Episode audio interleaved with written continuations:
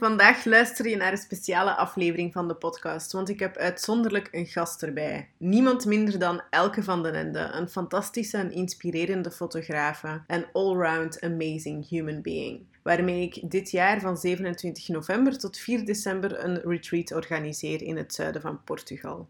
Een retreat, hij heet ook Retreat, waarin wij een diverse groep vrouwen, iedereen is welkom, niet alleen fotografen, meenemen naar een magische, rustige, heerlijke plek in de bergen voor een week lang ontspannen, opladen, spreekwoordelijk bijtanken, wandelen, genieten, reflecteren, nadenken, dromen, praten en verhalen delen. Vandaag gaan wij in gesprek over thema's als radicaal kiezen voor jezelf, ruimte maken voor wat je nodig hebt, het belang van een fuck it bucket hebben, de schoonheid van traagheid en de heilzaamheid van echte connectie super tof dat je hier bent. Ik zou even willen beginnen met zo de awkward vraag van stel u voor, die we allemaal haten, maar jij kunt dat veel beter dan dat ik dat kan. En eigenlijk, voordat je begint, wat ik super leuk zou vinden, is als je ook een beetje zou kunnen vertellen over Le Flaneuse en over hoe dat, dat voor u ook inhaakt op voor uzelf zorgen en zachtheid voor uzelf vinden en rust. De thema's waar we het vandaag over gaan hebben.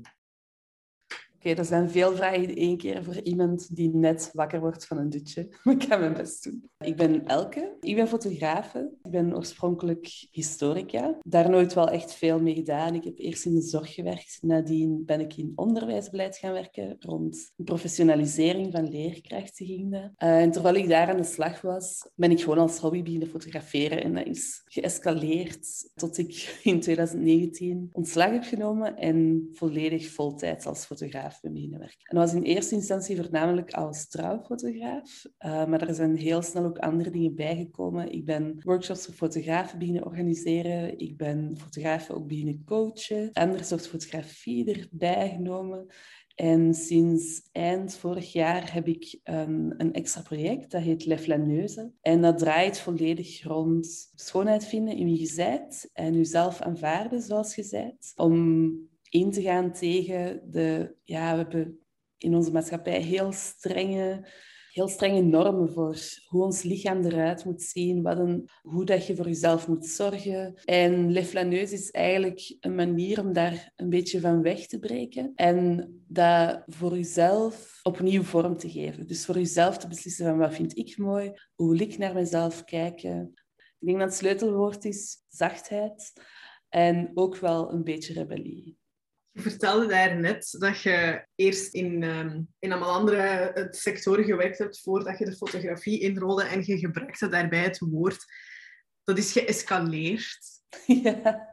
En ik was eigenlijk benieuwd of dat er in die escalatie, de overgang van het ene naar het andere, of dat daar voor jezelf ook een stukje, dat dat ook een stukje was zachter zijn voor jezelf. Of sterker in je schoenen durven staan. Omdat dat woord dat sprong er zo uit, van dat is geëscaleerd. En ik dacht, oké, hier zit een verhaal achter. Goh, ik, ik denk eerder geëscaleerd in de zin van dat ik zo verteerd werd door mijn ja, passie en ambitie voor fotografie, dat ik echt iedere dag van 8 uur s ochtends tot 11 uur s avonds aan het werk was. Ik heb daar zeker ook dingen in gevonden voor mezelf ik was vroeger echt ongelooflijk verlegen. Toen ik toekwam aan de universiteit, dan zat ik in zo'n grote studentenhome met 16 mensen per gang. En ik zat dan echt in mijn kamer te wachten tot iedereen uit de keuken was voordat ik mijn eten durfde gaan maken. Omdat ik dat intimiderend vond om daar binnen te stappen in een ruimte vol mensen die ik allemaal niet kende. En toen ik startte met trouwfotografie, voelde ik ook van, dat is een manier om ergens in een soort veilige, afgebakende rol te werken aan ja, mijn sociale vaardigheden of, of ervoor te zorgen dat ik sneller op mijn gemak ben bij grote en vreemde groepen mensen. Ik ben nu ongeveer vijf jaar aan het fotograferen. Ja, dan is dat eigenlijk waar ik het meeste fier op ben. Dat ik ondertussen weet van, je kunt mijn waarden ook droppen ik ga sowieso wel mijn mij uit de slag kunnen trekken en met mensen beginnen praten en mij niet meer zo de, de vreemde eend in de bijt voelen. Dus in die zin is dat, is dat voor mijzelf persoonlijk een interessante ontwikkeling geweest. Uh, maar verder, die eerste jaren fotografie, ja, die de escalatie zit er vooral in. Dat werd meer en meer en meer en meer. Tot ik op een punt voelde van, wat ben ik eigenlijk aan het doen? Want ik ben heel toffe dingen aan het doen. En ik, ik ontmoet leuke mensen. Maar ondertussen heb ik wel mijn familie al drie maanden niet meer gezien. En toen heb ik beseft van, ja, dat, dat is niet het leven dat ik wil leiden ook. Wat is het punt van heel de tijd werken? Ook al doe je het nog zo graag, als je de mensen die je graag ziet, als je daar geen tijd meer voor hebt. Dus dat heeft mij wel serieus door elkaar gerammeld en doen beseffen van het moet anders. Side note, kei herkenbaar het verhaal van in je studentenhome wachten tot iedereen weg is Ja. uit de keuken. Dus er is een moment geweest waarop wij allebei alleen in onze kamer zaten. Ha, ja, ik zat, ik zat zelf niet op kot, want eh, wij woonden in Gent toen dat ik studeerde. Dus dat was een beetje te zot Ah. om dan op kot te gaan. Maar mijn, eh, mijn vriend zat wel op kot. En daar had ik dat ook echt. Of zelfs ja, gewoon momenten dat, omdat ik dan geen zin had om mensen te zien, dat we dan gewoon Indisch bestelden of zo. En dat dan op zijn slaapkamer opaten. Ja, en ik heb dat nu, ik heb dat nu ook nog wel. Ze, eh, op, gelijk, ja, als ik zelf op retreat ga, dat is een van de redenen waarom dat ik altijd een kamer voor mij alleen wil. Gewoon het weten al dat je die plek hebt, geeft Ja, rust waarschijnlijk. dat. Ja. Dus ja, Ja. eh, dus nee, ja, ik herken dat, ik herken dat volledig. Dat is eigenlijk ook een voorbeeld van die, die ruimte zoeken. Ik, ik wist dat ik deze maand heel veel weg ging zijn. Ik ben een maand weg van huis. En dat heb ik geleerd door in de jaren. Als ik, als ik reis, dat ik echt een plaats nodig heb om thuis te komen. Al is dat, dat hoeft niet iets, iets mooi of iets chic te zijn, ehm, maar gewoon een ruimte waar ik helemaal op mijn gemak kan zijn. Waar ik kan komen en gaan zonder dat daar mensen op staan te kijken. Zo echt een plaats om je even terug te trekken uit de wereld. En ik heb dat wel nodig om op te leiden. En daarom dat ik nu in deze maand ook, dat ik gewoon voor mezelf heb gezorgd in, als ik accommodatie zocht, dat ik, eh, dat ik zeker een paar plaatsen had waar ik echt volledig tot rust kon komen. Je vertelde daarnet over dat je in, op het moment dat je besliste van, ah ja, oké, er moet hier iets veranderen, want ik ben veel te veel aan het werken. Ik heb al drie maanden mijn familie niet meer gezien. Dit is niet het leven dat ik wil. En ik ben eigenlijk heel benieuwd hoe dat, dat leven dat je wel wilt, hoe dat, dat er voor u uitziet en op welke manier dat, dat nu uw keuzes bepaalt. Dat is een, een goede vraag. Ik denk sowieso wel dat dat, dat dat altijd verandert en dat dat mij meegroeit, hoe dat je wilt dat het eruit ziet.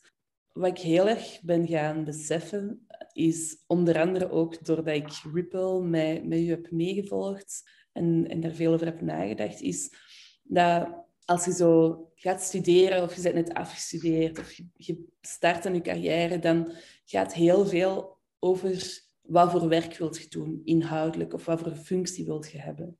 Maar het gaat zelden over hoe wilt je dat dat werk aanvoelt en hoe wilt je je dag indelen en hoe wilt je dat je weken eruit zien en wat voor taken wilt je doen. Het gaat meer over zo welk etiket kun je erop plakken dan wat zijn de dingen waarmee je bezig wilt zijn. En, ehm, en hoe dat, dat er voor mij nu uitziet, maar dat, dat gaat een beetje vaag klinken hoor, is, ehm, of een aantal, er zijn een aantal heel concrete dingen wel. Bijvoorbeeld, ik wil uh, binnen een jaar, een jaar en een half, wil ik op een punt staan dat ik eigenlijk maximum 20 à 30 uur per week werk. En dat de rest van de tijd, dat ik dat ook niet opvul met ander werk, want daar heb ik altijd de neiging toe. Maar dat dat gewoon tijd is om te zijn, of om leuke dingen te doen, of om met creatieve projecten bezig te zijn, of om te lezen. Dus meer vrijheid in mijn tijd, daar, daar ben ik heel hard naar op zoek.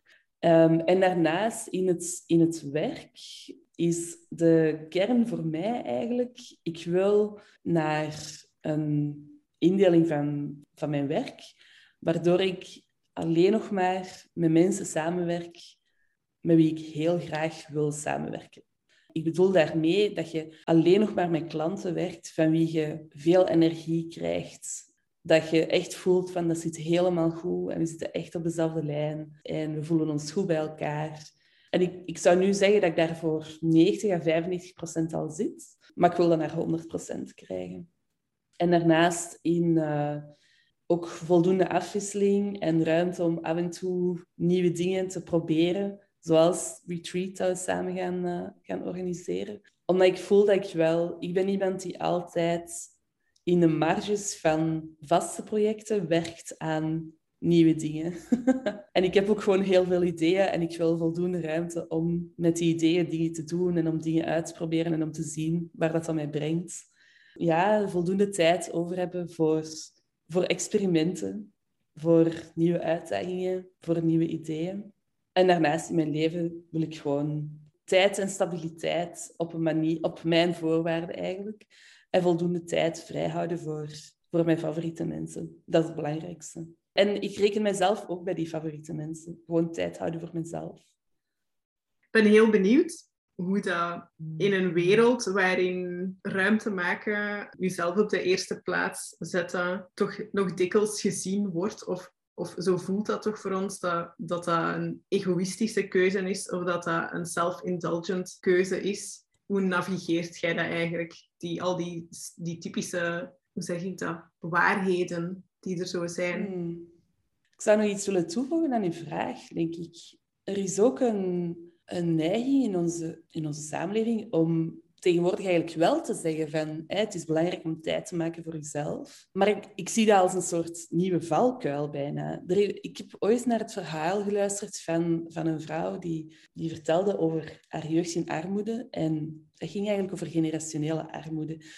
Wat zij na haar verhaal zei was, ik heb het gevoel dat ik zoveel kansen kreeg die geen echte kansen waren, omdat ik er gewoon niet op kon ingaan. En dat voelde dan iedere keer opnieuw als, alsof dat ik gefaald had, terwijl dat eigenlijk de randvoorwaarden er niet waren om die kans te grijpen. En dat is waar dat, aan mij een beetje aan doet denken, zonder... Ik wil ehm, het gebrek aan zelfzorg zeker niet vergelijken met um, de zwaarte die generationele armoede is. Uh, ik wil dat niet bagatelliseren of zo. Maar wel het mechanisme van ja, maar maak tijd voor jezelf. Maar je kunt geen tijd maken voor jezelf als je voor de rest volledig opgeëist wordt door heel mhm. andere veeleisende zaken. Als er continu aan je getrokken wordt vanuit je werk of vanuit je gezin of vanuit je omgeving of vanuit, je moet ook nog uh, drie miljoen hobby's hebben en aan zelfactualisatie doen. Als, je, als daar dan bij komt van, ah ja, breng ook tijd met jezelf door, ja, dat is gewoon een nieuwe verplichting. Mhm. In plaats van iets dat je deugd gaat doen. Dat is gewoon iets nieuw om in te falen dan. Dat is echt een super mooie toevoeging. Zo dat spanningsveld tussen langs de ene kant het gevoel hebben of schuldgevoelens hebben over voor jezelf kiezen en jezelf op de eerste plaats zetten. En langs de andere kant ook weer dat als een extra druk en een extra ding dat ook weer moet. Ik ben wel super benieuwd hoe, dat, hoe dat jij daar dan zelf uh, mee omgaat en hoe dat jij dat navigeert.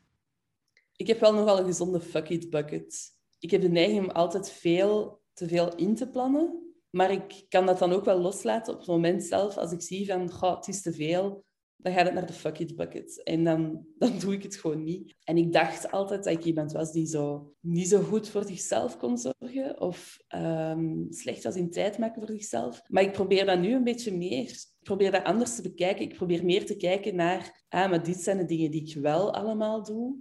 En misschien moet ik dat gewoon voor mezelf ook wat herkaderen.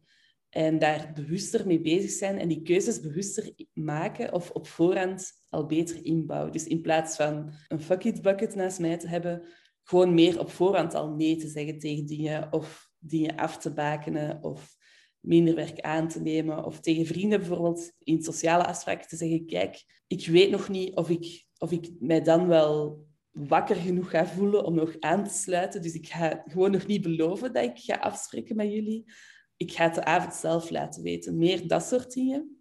En eigenlijk dat op voorhand al in te bouwen in wat weet ik dat ik nodig heb. En ik, ik ben iemand met eigenlijk wel beperkte energievoorraad of zo. Ik heb heel snel het gevoel dat ik door mijn energie heen zit. Dus ik probeer een beetje meer te puzzelen aan hoe kan ik er op voorhand voor zorgen dat ik die energie goed verdeel in plaats van achteraf te moeten cureren van ah shit, ik zit erdoor, ik moet hier dingen aanpassen.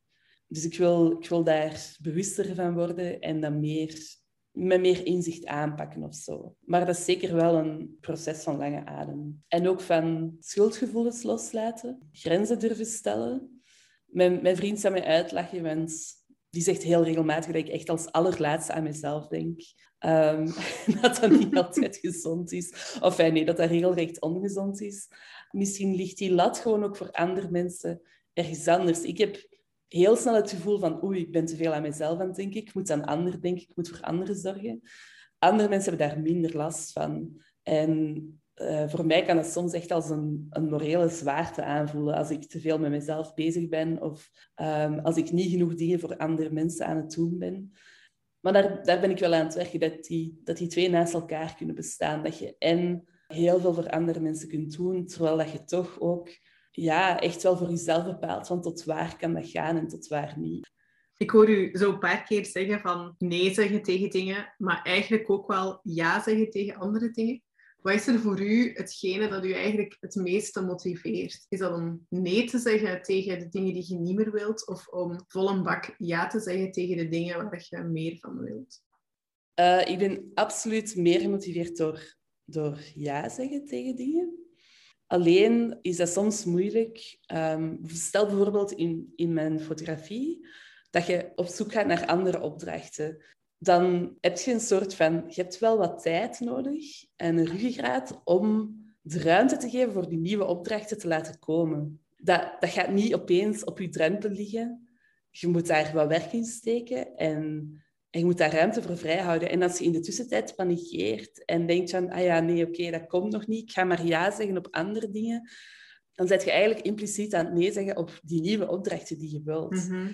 En dat, is, dat heeft veel vertrouwen nodig, denk ik, om dan te durven zeggen van oké, er komen vragen op mijn pad die wel semi-leuk zijn, waar ik ook iets mee kan verdienen.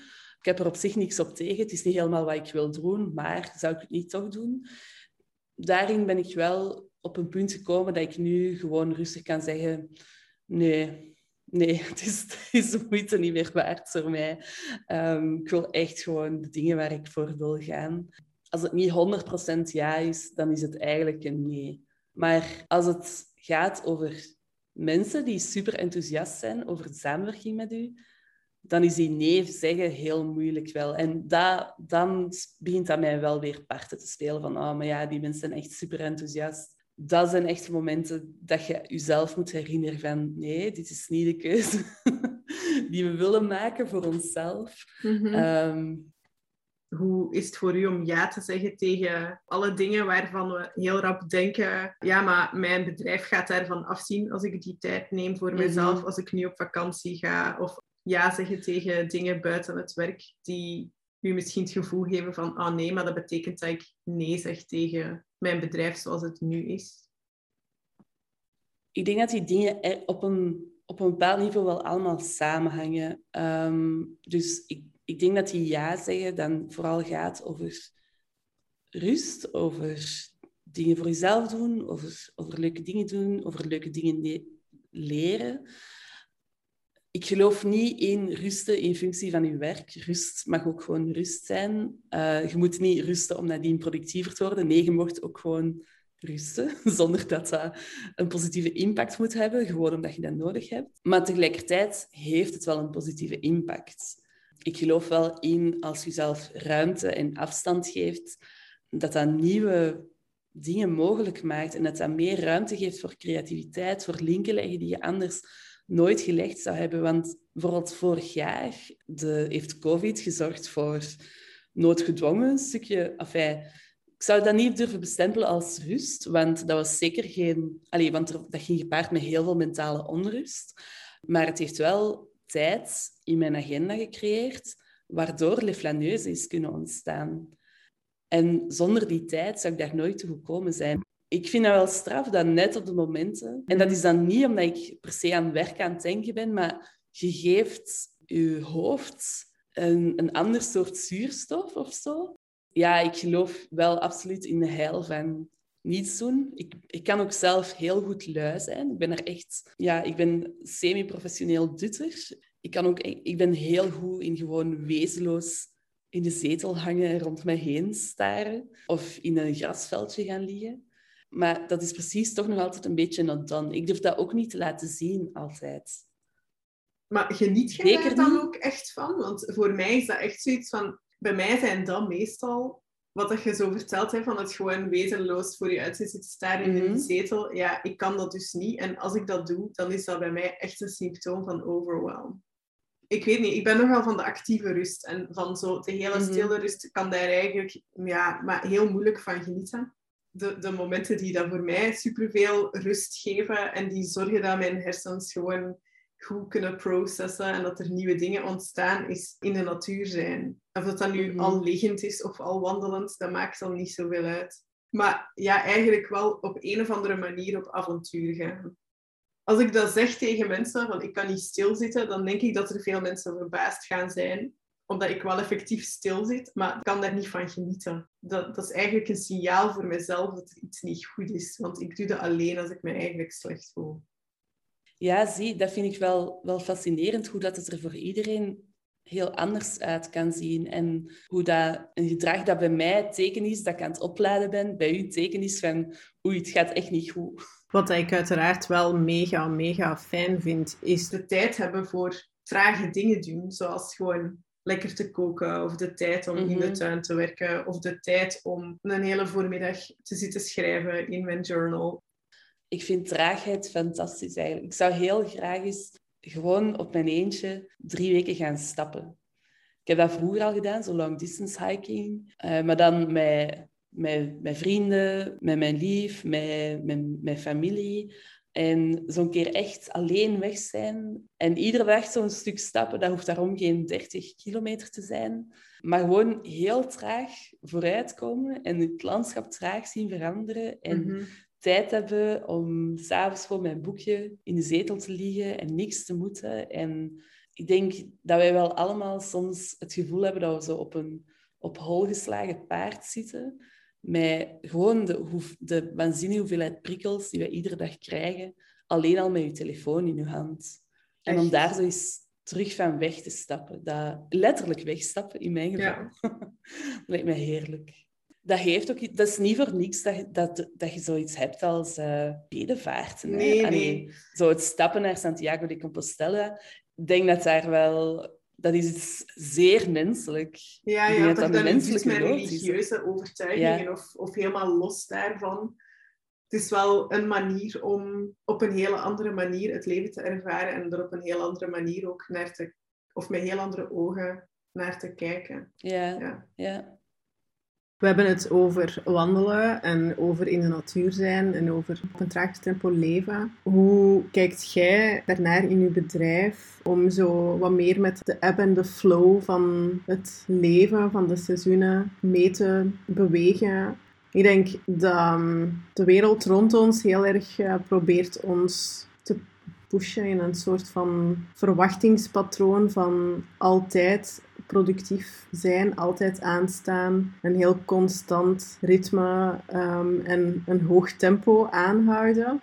Hoe, um, hoe kijkt jij daarnaar en vooral ja, ook hoe ziet dat er bij u uit in uw eigen werk en in uw eigen bedrijf? Ik denk zeker als je, als je zelfstandige bent of, of ondernemer, dat dat ook oké is om, om gevoelsmatig soms te beslissen van dit ga ik nu even laten rusten of, of hier kan ik nu wel mee bezig zijn. Omdat er zijn sowieso projecten die je voelt van... Er zijn momenten dat je denkt van oh, ik wil dat en dat en dat doen. En toch lukt dat maar niet. Het gaat niet. Je zit naar je papier of je computer mm-hmm. of je to-do-lijst te kijken en uh, er komt maar geen schot in de zaak. En soms zijn er momenten dat dat als vanzelf vloeit. Dat dat gewoon echt... Dat je op twee weken tijd iets volledig nieuw eruit stamt en dat dat er staat. En dat je zo... Ja, ja, dat je voelt dat je die energie op dat moment hebt. En ik ben niet zo... Ik zou mezelf niet bestempelen als een zweverig persoon, uh, zelfs niet als een heel spiritueel persoon. Of het is niet dat ik bezig ben met de stand van de maan of mijn hormonen en wel voor invloed dat die hebben op, op welke beslissingen ik wanneer maak. Maar toch zijn er soms wel dingen die je voelt. Allee, dat je zo gewoon echt kunt voelen van, ah ja, dit zit nu goed. Dit is waar ik nu op dit moment mee moet bezig zijn dat op andere momenten ook durven loslaten van misschien moet ik dat nu gewoon even opzij zetten. Dat, is ook, dat kan ook een uitdaging zijn, omdat we zo, zo hard in een cultuur zitten van hustle. Hè? Gewoon mm-hmm. blijven gaan. En als je maar hard genoeg werkt, dan zal het wel komen. En dan zal het zich wel manifesteren. Dat is een woord waar ik dat ik heel bizar vind. Um, Ja, hoe meer ik daarover nadenk, dat er eigenlijk ook met dat woord niet per se iets mis is, maar er hangt gewoon zo'n zweem over van... dat, dat voelt een beetje hol. Als je zegt van, dat is er gekomen omdat ik dat gemanifesteerd heb, dan voelt dat voor mij zo... Huh? Ja, Ehm, hoewel dat er denk ik ook wel echt iets van is, eh, om nog eens terug te Mhm. grijpen, wat dat we daar net ook al, waar we het over hadden, over dat, over dat nadenken en voor jezelf duidelijkheid krijgen over wat is het leven dat ik wil leven en welke keuzes brengen mij daar dichterbij. Dat is ook een manier van iets manifesteren. Je hebt eerst het idee, Ja, je hebt eerst de visie en dat helpt u om bepaalde dingen wel te doen, om bepaalde dingen los te laten en om aan bepaalde dingen te beginnen waar je nu misschien nog schrik van hebt. En als, die, als dat beeld er niet is, als je daar niet eerst duidelijkheid over hebt, over waar dat je naartoe wilt, dan is het ook veel moeilijker om stap voor stap weg te gaan bij wat dat je eigenlijk niet wilt. Ik denk dat de moeite die ik heb met dat woord is dat ik het vaak zonder context tegenkom. U inbeelden dat er iets gaat komen is één ding, maar alle stappen zetten om daar werkelijk toe te komen is wel nog iets helemaal anders. En ik geloof dat die stappen heel veel doen. Ik geloof dat dat inbeelden mentaal dat wel iets doet, maar ik geloof niet in ik die maar iets hard genoeg wens en het universum dat het dan aan mij op een dienblaadje presenteert. Maar Nee, dat is waarschijnlijk ik die dat, die dat woord gewoon los uit zijn context trek en ehm, daar ook niet genoeg over weet. Maar dat is hoe het overkomt op mij. Ik weet niet, als ik denk aan hoe dat, dat manifesteren vaak wordt ingevuld en aan bijvoorbeeld Les. Ik denk dat iedereen in onze demografie pakt, eh, vrouwen van begin 30, hoogopgeleid, wel enigszins bewust van feminisme en vrouwenrechten. Dat, dat iedereen daarvan wel voelt van ja, het is gezonder om jezelf graag te zien en om jezelf te aanvaarden zoals je bent. Maar als je dat dan moet gaan manifesteren, van hè, iedere ochtend in de, tegen jezelf in de spiegel zeggen van je bent mooi, je ziet er goed uit, zonder stil te staan bij de jaren van misogyne boodschappen die je meekrijgt, van maatschappelijke druk die je meekrijgt, van opmerkingen die je meekrijgt, van onderliggende vooroordelen die je meekrijgt. Als je dat probeert te doen zonder daarbij stil te staan, van wat zijn de dingen die ik heb geïnternaliseerd en wat zijn de dingen die mij verteld zijn en wat zijn dingen die worden opgelegd die gewoon cultureel bepaald zijn, zoals vandaag de dag is het, je moet, je moet bruin zijn. Als wit persoon, dan is het ideaal dat je een mooie bruin getaande huid hebt.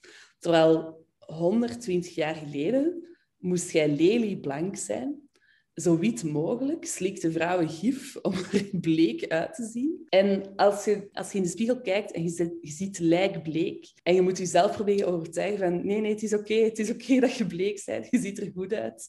Ik, ik, weet niet of dat je dat kunt manifesteren, zoiets. Dat lijkt mij zo... Ik, ik denk dat het dan krachtiger is om te beseffen van wie zegt er mij eigenlijk dat, dat ik naar de zonnebank moet? Wie zegt mij dat ik bruin moet zijn? Waarom, waarom moeten wij praten over onze benen als melkflessen wanneer we de zomer in gaan. En ons zelfs excuseren daarvoor. Hè.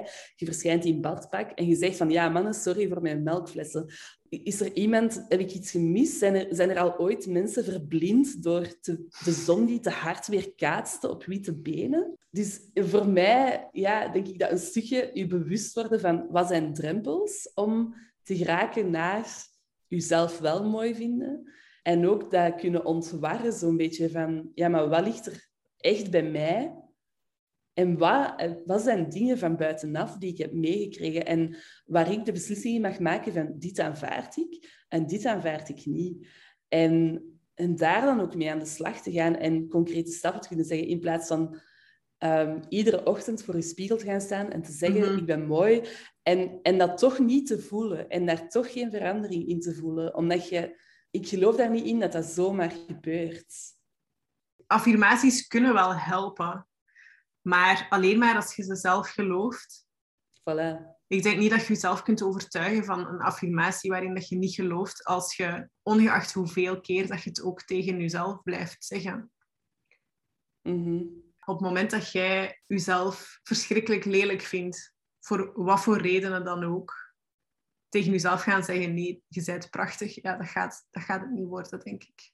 Nee, nee. Omdat dat, dan, dan zijt je tegen jezelf aan het liegen en je voelt dat gewoon. Dat voelt, ja, dat, inderdaad.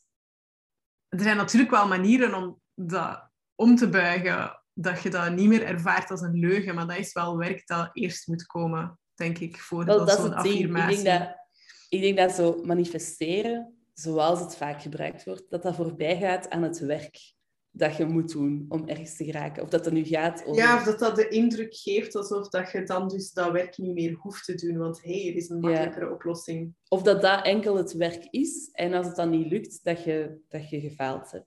Ja, of dat het universum gewoon tegen je is.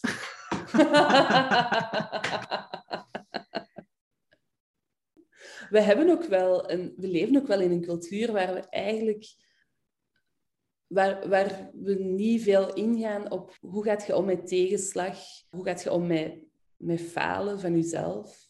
Tegenslag kan natuurlijk ook heel vaak van buitenaf komen. Ay, komt per definitie van buitenaf. En ik denk dat we dat meer neiging hebben om weg te moffelen of om te proberen. Ik denk dat we daarbij ergens zitten tussen... Je hebt zo, zo'n Amerikaanse mindset van je moet alles positief bekijken. Terwijl dat er in heel veel culturen net veel aandacht gaat naar hoe gaat je om met de dingen die tegenzitten. En hoe laat je dat los? Of hoe, Mhm. hoe, plaats, hoe geeft je dat een plaats? En ik denk, niet, ik denk niet dat wij in dat overdreven positivisme zitten. Maar ik denk ook niet dat wij echt nog heel bewust bezig zijn met... Soms gaan dingen gewoon heel slecht. En, en hoe gaat je daar dan mee om?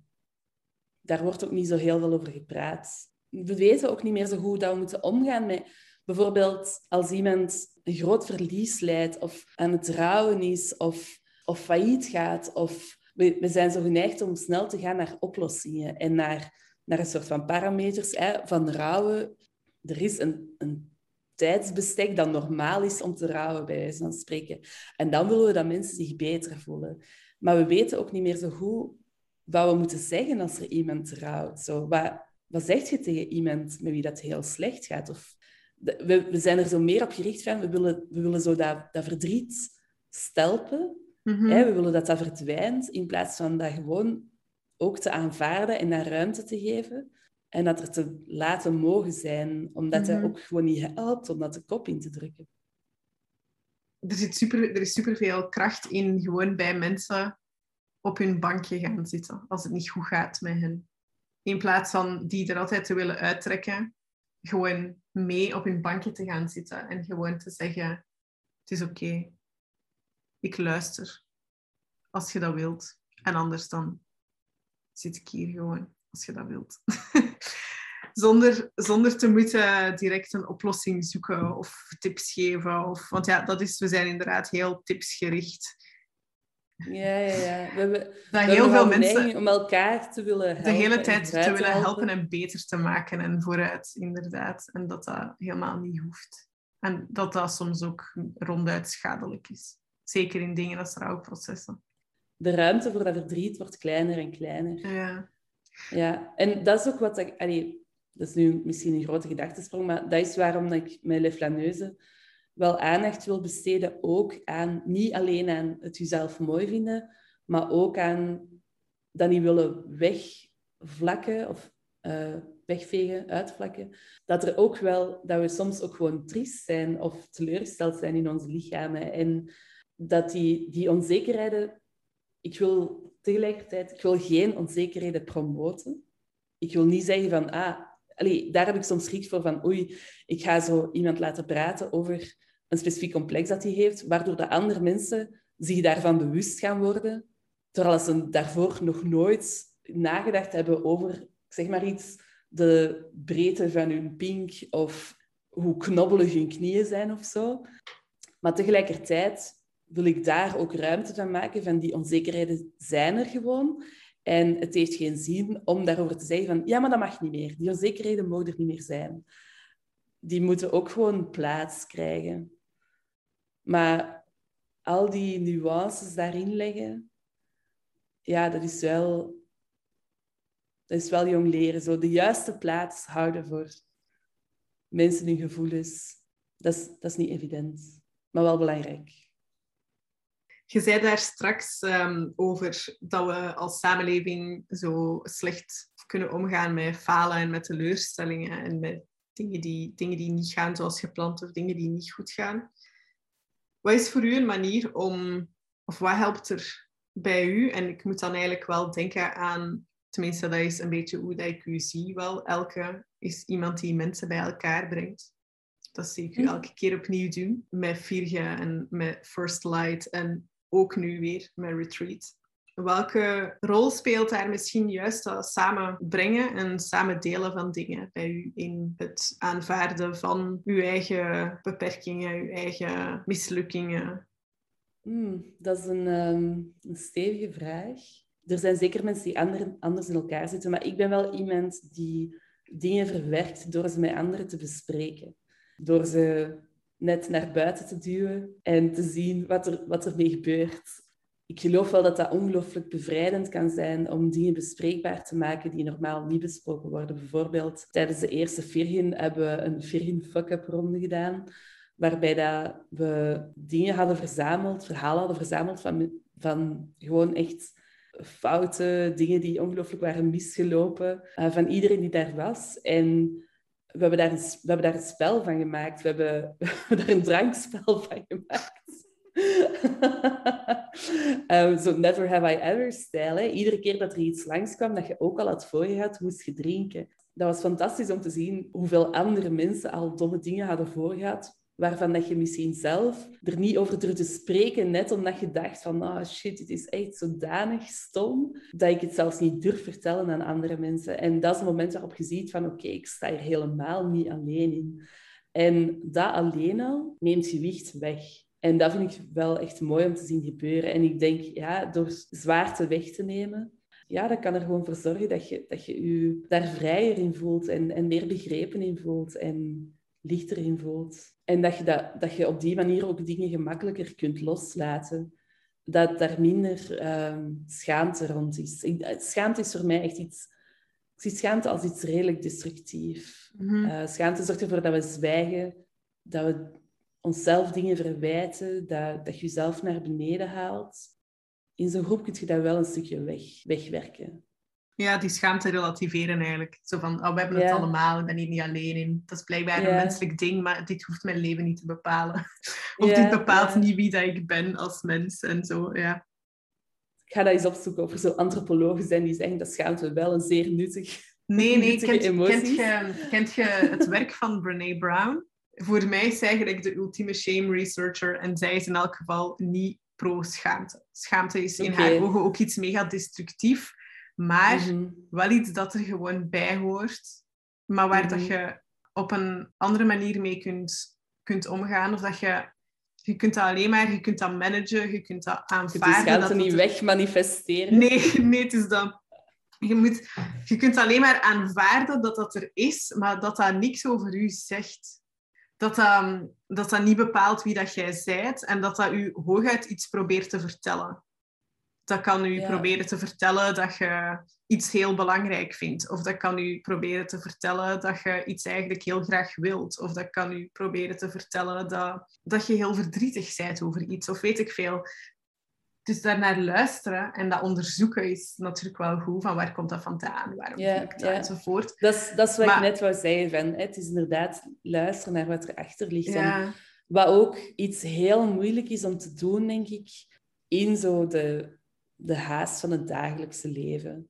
En ik heb nu zelf gemerkt door, door deel te nemen aan Ripple, ik heb daar echt tijd voor nodig. Ik, heb, ik moet echt, als ik met zo'n dingen bezig ben, ik moet echt een dag niks anders te doen hebben om een keer echt dieper wat te graven in mijn gedachten, om dingen op orde te kunnen krijgen, om echt de ruimte te creëren om eigenlijk zo de onderliggende, zo'n beetje de fluisterstemmen boven te halen of zo. Zo de stemmen die heel veel be- bepalen, maar die moeilijk te horen zijn.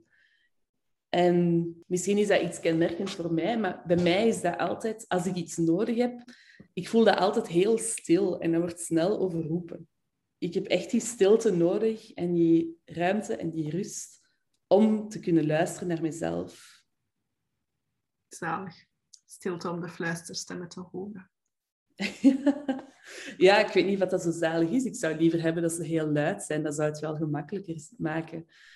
Maar ik, denk dat dat wel... Ik denk dat dat voor veel mensen wel zo is. Ik denk dat, dat er niet veel mensen zijn die gewoon hun noden super duidelijk voelen of met zichzelf ergens in... ges- Allee, heel gemakkelijk daarover in gesprek kunnen gaan of zo. Of die gewoon heel helder weten van dit is wat ik wil en dit is wat ik nodig heb. Ja, en ik denk ook dat op het moment dat de fluisterstemmen geen fluisterstem meer zijn en dat ze heel luid aanwezig zijn, dat dat meestal ook gewoon een teken is dat je eigenlijk veel te ver bent gegaan. Dat, Mhm, dat, ja. dat het moment is waarop dat je zegt, ja oké, fuck en nu kan ik niet meer. Nu moet er iets veranderen, want dit, dit gaat gewoon niet meer. Dat het, Ik- dat het eigenlijk meer een alarmbel is dan Ja, ja.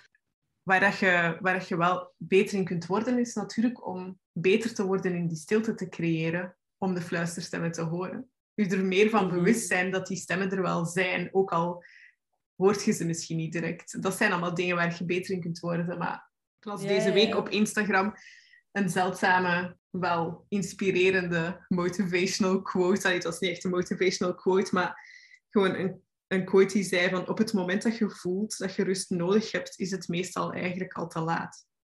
Ja, absoluut. Of te laat, ja. Dan ben je eigenlijk al voorbij het punt gegaan waarop dat je gewoon rust nodig hebt.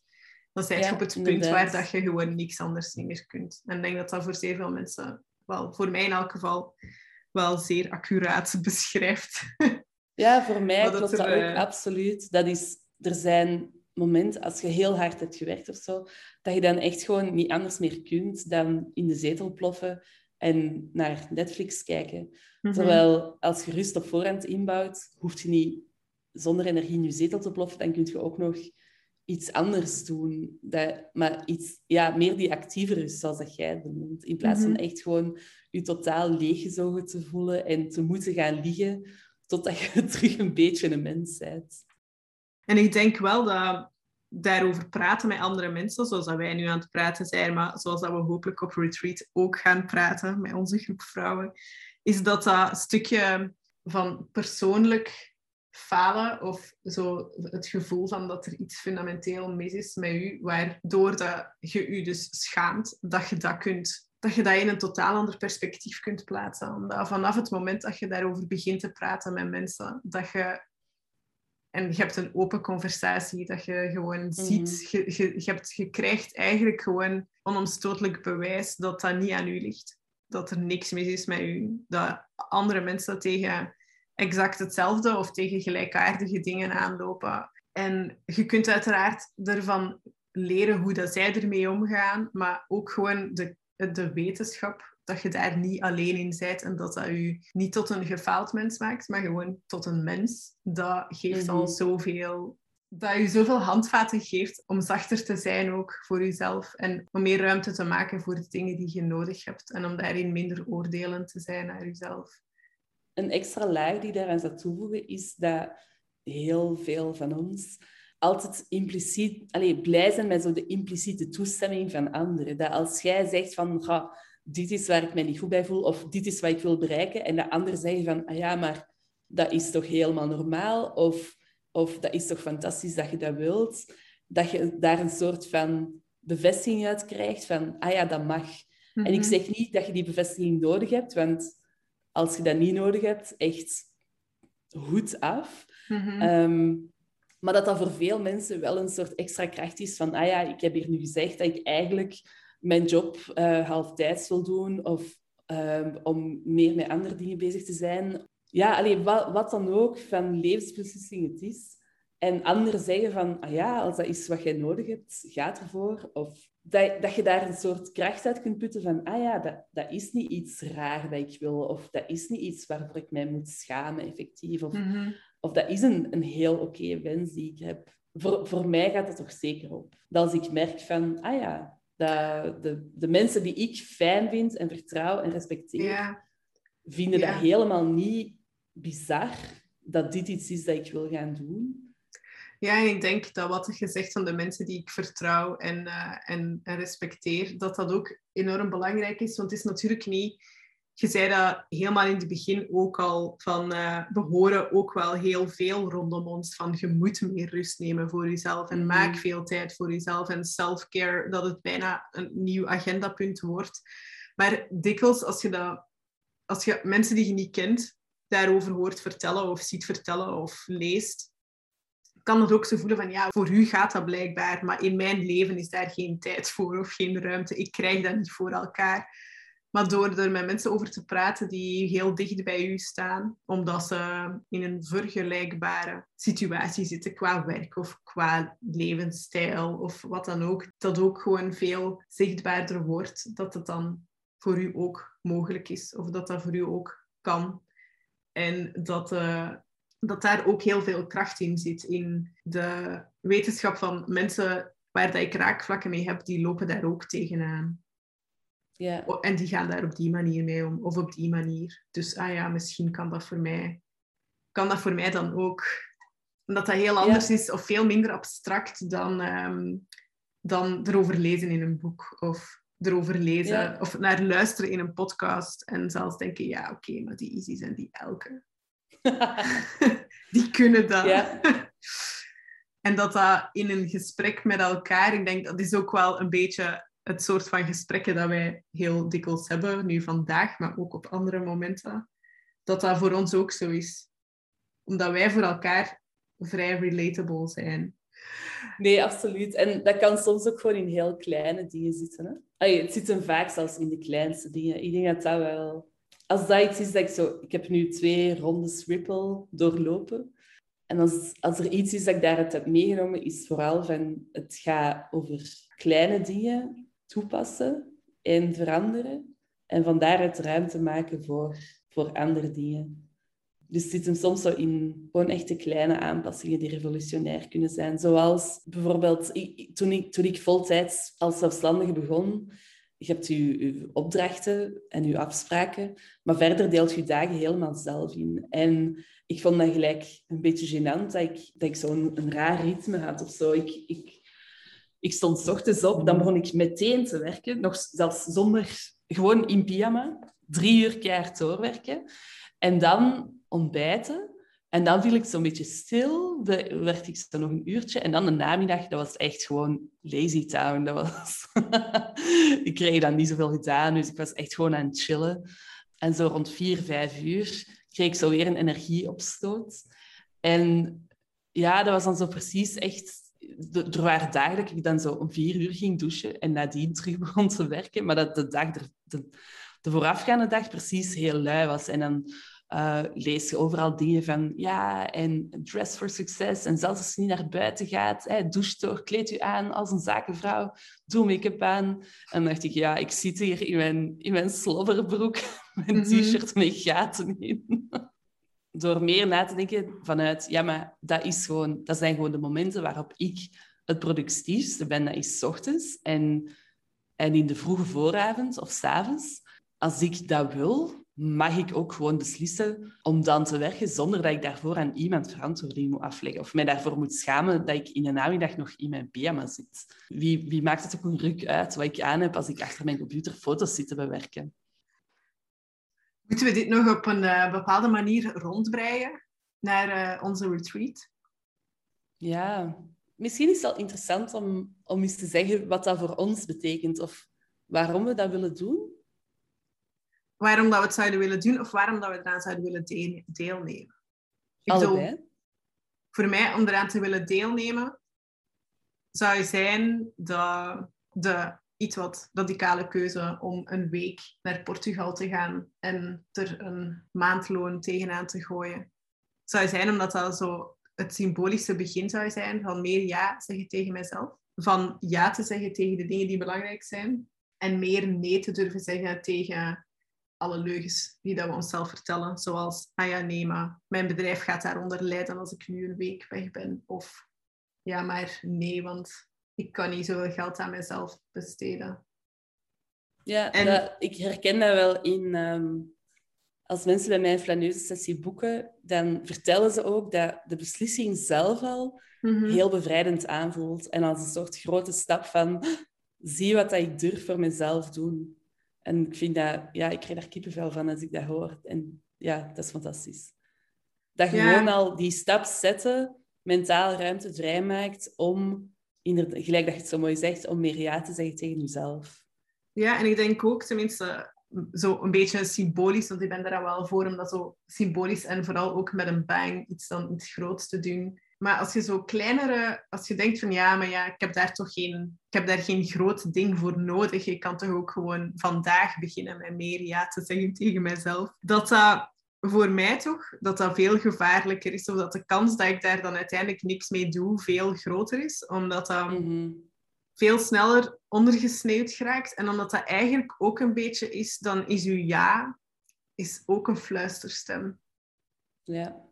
Ja, en ik denk dat dat daarvoor voor mij persoonlijk in elk geval mega belangrijk is om dan zo af en toe toch iets radicalers, iets groters te doen. Om dat kracht Weet bij te zetten of zo voor mijzelf. Ja.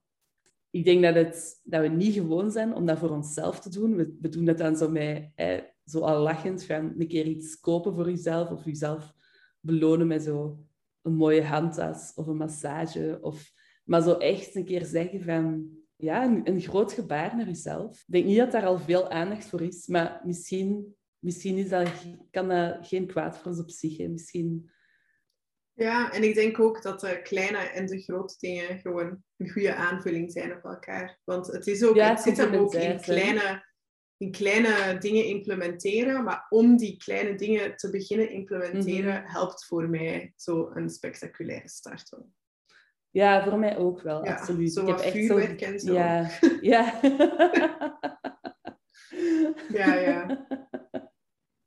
Ja, voor mij is denk ik, waarom ik zou willen deelnemen, ik denk de belangrijkste reden zou zijn van, ik heb gewoon echt tijd nodig om, naar om mezelf echt goed te kunnen horen. En ik ken mezelf, ik weet, als ik dat mezelf voorneem, dat gebeurt niet. Want dat is iets waar geen duidelijke deadline op staat, waar niemand mij ter verantwoording in roept, waar ik waarschijnlijk geen prioriteit van ga maken. Tenzij op een meer gestructureerde manier en met andere mensen rond mij die met hetzelfde bezig zijn en waar, waar ik ook energie uit kan putten. Gelijk dat ik vroeger ook niet de student was die urenlang alleen zat te studeren. Ik wou liever naar een plaats gaan, naar de bibliotheek of zo, waar iedereen samen zat te leren. Mocht ik het niet organiseren, ik zou sowieso zelf het doen. ja, ja, dat sowieso. De- En dan de reden om het te organiseren. Hmm, Ik denk dat... Ja, ik vind dat eigenlijk nog moeilijker. Want het is ook een beetje wel... We hebben, we hebben, we hebben eigenlijk ook gewoon iets, iets georganiseerd dat we gewoon heel graag voor onszelf zouden willen. Ja, inderdaad. Ehm, eh, maar ik denk dat ja, een van de redenen om, om het te organiseren, of, of een belangrijke reden voor mij, is we hebben zelf zoveel ideeën over wat dat we zouden moeten zijn en hoe we zouden moeten zijn en hoe we zouden, er zouden moeten uitzien en hoe we ons zouden moeten voelen en wat er allemaal potentieel raar is aan ons. Ik heb het u ook een paar keer horen zeggen van ja, misschien is dat raar van mij of misschien ben ik daar alleen in of momenten waarop we onszelf eigenlijk een beetje aan het excuseren zijn voor onze eigen, juist dikwijls leuke, quirky karaktertrekjes. En eh, dat is dan misschien zo een klein beetje mijn eh, grotere doel in het leven. Dat ik heel graag een ruimte wil creëren voor mensen waarin dat er allemaal mag zijn. En ik denk dat dat bij mij geldt voor zowel de manier waarop dat ik in mijn fotografie sta, als de manier waarop dat ik coach en de manier waarop dat ik retreat nu samen met u organiseer, is dat dat iets is wat ik eigenlijk aan mensen wil geven. En dat klinkt, ik vind dat altijd zo ergens een beetje arrogant klinkt, van ja, ik wil u een ruimte geven waarin dat je zelf mocht zijn. Maar ja, nee, of een ruimte creëren in elk geval waar dat we dat allemaal samen kunnen zijn. Gewoon jezelf zijn, whatever that means. Misschien is dat wel een beetje de rode draad van dat als je connectie hebt met jezelf, dat het ook wel zal lukken om connectie te vinden met anderen op Ja. manier. Exact. En daar vertrouwen in te geven. Ja, ik denk dat voor mij, wa- waar ik heel erg naar uitkijk, is een, een aantal jaar geleden zijn wij, eh, ben ik bij een, aantal mensen, toen ik nog in Brussel woonde, een boekenclub gestart. Met ja, allemaal gelijkgestemde zielen, vrouwen allemaal. En het idee was om boeken te lezen die niet, allez, een keer zo niet de, de westerse mannelijke kanon, zo boeken van vrouwen, van niet-westerse schrijvers, ehm, met andere perspectieven, andere stemmen en daar veel wijn bij te drinken. Dat was het startpunt. En in die end is dat, ja, als we bij elkaar kwamen, werd daar over zoveel dingen gepraat. Daar, allee, mijn, eh, mijn innerlijke verontwaardigde feminist is daar nog een beetje in aangewakkerd. Um, maar dat was ook gewoon een fantastische plaats om te zijn, om, om iedereen zijn verhalen te horen en om uit te wisselen en om samen ook heel hard te lachen om dingen en, en ook schaamte weg te nemen over sommige dingen. En dat was zo'n aanvaardende ruimte en er was zoveel vertrouwen en ik kwam daar echt altijd zo wat gloeiend van terug of zo. Daar heb ik gemerkt van, je hoeft elkaar niet per se op voorhand te kennen om toch heel diep in gesprek te kunnen gaan en heel veel vertrouwen te creëren en er heel veel uit te kunnen putten. En ja, dat was een geweldige energie die daar hing. En eigenlijk toen ik startte met Le Flaneuse, had ik direct ook al het idee van oh, hoe geweldig zou het zijn om mensen die zich, die zich in die verhalen herkennen en die ook daarmee in hun hoofd zitten, om die gewoon samen te brengen en samen weg te gaan en een beetje uit diezelfde energie te putten van te, te praten over dingen en te lachen over dingen en herkenbaarheid te, te hebben bij elkaar en vertrouwen te hebben en een, een plaats waar dat je gewoon volledig aanvaard wordt zoals je bent, met alle bagage die je meebrengt en met alle humor die je meebrengt. Voor mij is dat, ik, ik, vind dat, ik vind dat echt iets bijzonders dat er dan kan ontstaan. Zo die, ik weet niet, de warmte die je daaruit haalt en de rijkheid die zo'n groep kan bieden. Ja, dat vind ik echt fantastisch. Dat is waar ik waar ik heel erg naar uitkijk. Zo radicaal jezelf mogen zijn, dat, dat is wat ik heel graag wil, wil creëren voor anderen. Ik kan al niet wachten tot het zover is. Ja, ik ook. ja, ik denk dat voorbijgaand aan zo onze waarom en wat we willen bereiken. En dat als we echt eerlijk zijn over wat ons drijft om dat te organiseren, dat we gewoon keihard naar uitkijken om zo'n groep kick-ass vrouwen bij elkaar te brengen. En, en een week interessante gesprekken te voeren. Hè? En te kunnen chillen en, en mooie dingen te zien. En, te, en, en, ja, en op mooie plekken te zijn. Inderdaad, ja. Het wordt geweldig, hè? Allee, daar kunnen we sowieso, over zijn. Sowieso, ja, ja. Voor minder doen we het niet. Ja, ja, dat is duidelijk. Nee, nee. Op deze noot wil ik hem dan misschien toch uh, afsluiten, de aflevering. En u mega hard bedanken voor de enorm gezellige en inspirerende, rustgevende babbel. Ik ben nog nooit teruggekeerd uit een gesprek van ons dat ik dacht van... Goh, dat was saai. Allee, ja, nee, ik ging juist altijd zeggen, blijven lopen. Ja, ik ging juist zeggen, ja, voor inspirerende gesprekken um, is er, uh, heb ik zo een paar adressen, maar jij staat daar absoluut van in de top drie in mijn uh, mentale adressenboek. Dus, Heel wederzijds. dus uh, dat komt altijd wel goed bij u. Ik denk dat we zo met gemak wel eens een, eigenlijk een, een, een, podcast op zichzelf zouden kunnen vullen met, met ons twee. Maar um, ja, wie weet, wordt dat een van die projecten waar we ooit ruimte voor maken. we zullen het zien. Na februari, na uw maand vrij De tijd, eh, de tijd zal het uitwijzen. Ja. Maar eerst uh, kijk ik al uit naar onze week samen in Portugal. Yes. Met hopelijk heel veel van dit soort gesprekken. Absoluut. Er zijn nog een paar plekjes vrij voor onze retreat in november, december. Dus als je daar heel graag bij wil zijn of meer informatie over wil ontvangen, stuur mij dan zeker een berichtje op Instagram. Ik zet ook de link naar de informatie in de beschrijving van deze podcastaflevering. En dan zijn er nog een paar dingen waar Elke en ik het over gehad hebben tijdens ons, ons gesprek, want het was niet echt een interview die ik ook nog even wil duiden uh, voor ik de aflevering afsluit. Elke vertelde een paar keer over Virgen. Dat is haar bijeenkomst of gathering. Het is niet echt een workshop. Misschien is het meer een retreat voor professionele fotografen.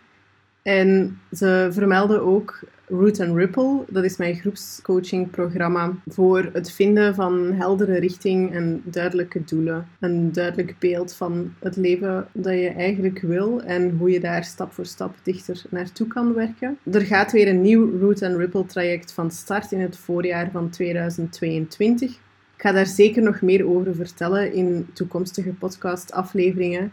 Maar mocht je al geprikkeld en nieuwsgierig zijn, dan vind je alle informatie en ook het formulier om je aan te melden voor de wachtlijst op mijn website.